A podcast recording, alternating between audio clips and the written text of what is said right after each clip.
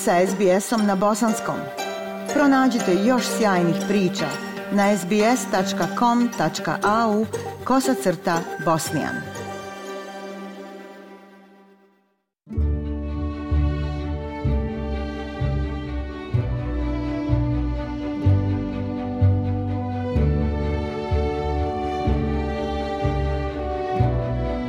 Slušate program SBS radija na bosanskom jeziku.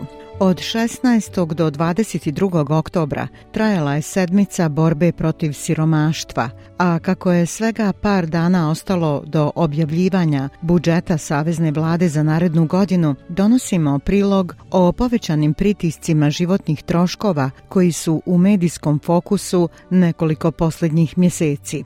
Dobrotvorna organizacija Anglicare Australia ima novi izvještaj za koji kažu da pokazuje puni obim krize. Prilog Debore Grork. Već mjesecima spiralna stopa inflacije je u naslovima gotovo svih medija, a blagajnik Jim Chalmers ima loše vijesti. Inflation is high and rising Inflacija je visoka i raste, a globalni rast usporava i obje ove stvari imaju direktan uticaj na Australce i njihov životni standard. Humanitarne grupe, uključujući Anglicare Australia, bile su na prvoj liniji krize.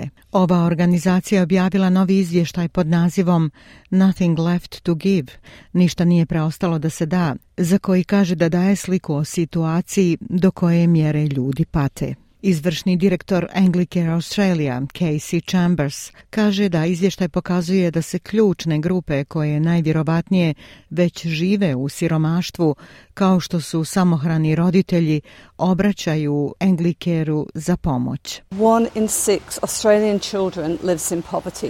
Jedno od šestero australijske djece živi u siromaštvu. U stvari, 40% ljudi koji trenutno dolaze po naše usluge radi urgentne pomoći zapravo su samohrani roditelji. Ali ona kaže da se tu kriza ne zaustavlja. We've talked to all of our emergency relief services right across Australia in regional, rural, remote, in every state and territory. Razgovarali smo sa svim našim službama humanitarne pomoći širom Australije, u regionalnim, ruralnim i udaljenim područjima u svakoj državi i teritoriji. I ono što nam svi kažu jeste da postoji povećana potražnja za njihovim uslugama, potražnja u smislu broja ljudi koji im dolaze, ali i promjene u tome ko dolazi. Dakle, tri petine njih nam govori da dolazi više ljudi, čak iz porodica koje rade. I vlasnici preduzeća osjećaju pritisak. Istraživanja Australske poslovne zajednice samostalnih poduzetnika pokazalo je da mnogi ili smanjuju doprinose za penziju ili ih ne plaćaju kako bi se nosili s rastućim troškovima. Anketa Sold Trader Pulse pokazala je da će žene češće nego muškarci smanjiti doprinose za penziju, 31% naspram 20%, dok je većina ljudi smanjivala stope i radila duže da bi održala korak. Najveća stavka životnih troškova za većinu ljudi odnosi se na stanarinu, pri čemu je većina vlasnika kuća koji plaćaju hipotekarni kredit pogođena uzastopnim povećanjem kamatnih stopa rezervne banke. Kako je bankovni analitičar Martin North iz Digital Finance Analytics izjavio za SBS News ranije ove godine, multikulturalne zajednice su te koje su najviše pod pritiskom.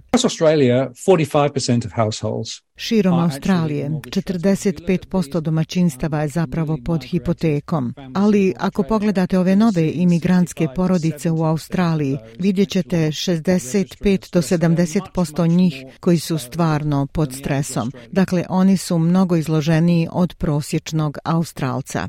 Također i podstanari osjećaju nevolju. Izvještaj Englikera ukazuje da čak i nakon primanja pomoći od vlade za rentu, rekordan broj ljudi i dalje teško plaća stanarinu. Everybody's Home je organizacija u nacionalnoj kampanji za rješavanje stambene krize. Njihova glasnogovornica Kate Colvin kaže da kirije i dalje rastu iznad onoga što mnogi ljudi mogu priuštiti. year,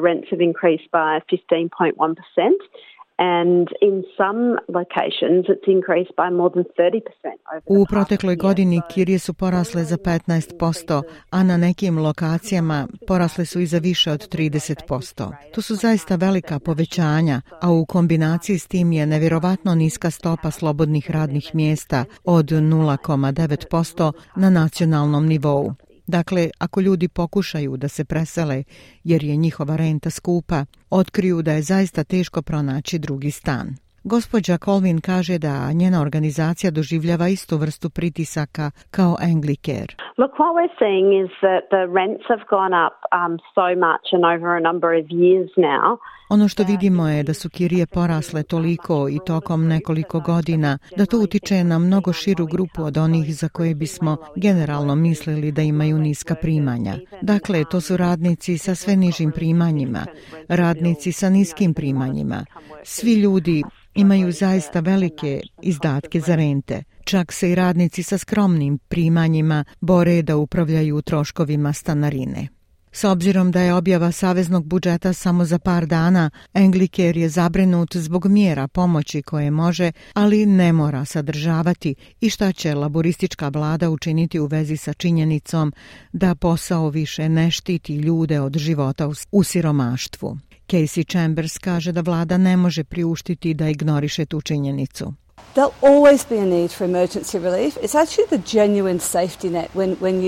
Uvijek će postojati potreba za humanitarnom pomoći. To je zapravo prava zaštitna mreža kada imate budžetske hitne slučajeve, ali kada vidimo radničke porodice, kada vidimo starije penzionere, kada vidimo osobe sa invaliditetom, kada vidimo ljude koji primaju socijalnu pomoć svake sedmice kako bi sastavili kraj s krajem, znamo da nešto nije u redu. Znamo da to nije održivo. Blagajnik Jim Chalmers kaže da vlada nema namjeru nikoga ignorisati. Kaže da će dobrobit biti ključni faktor u budžetu. It won't be flashy, it won't be fancy, Neće biti blistavo, neće biti fancy, ali budžet će prepoznati da su Australci trenutno pod pritiskom. Imali su dovoljno da brinu i ranije prije porasta troškova i posljedica ovih prirodnih katastrofa. Ovo je ljudska tragedija sa ekonomskim troškovima. Australci su tu jedni za druge kada su teška vremena, a i vlada će biti tu za njih. Ja sam Aisha Hadži Ahmetović. Ostanite uz program SBS radija na bosanskom jeziku. Like, share, comment. Pratite SBS Bosnian na Facebooku.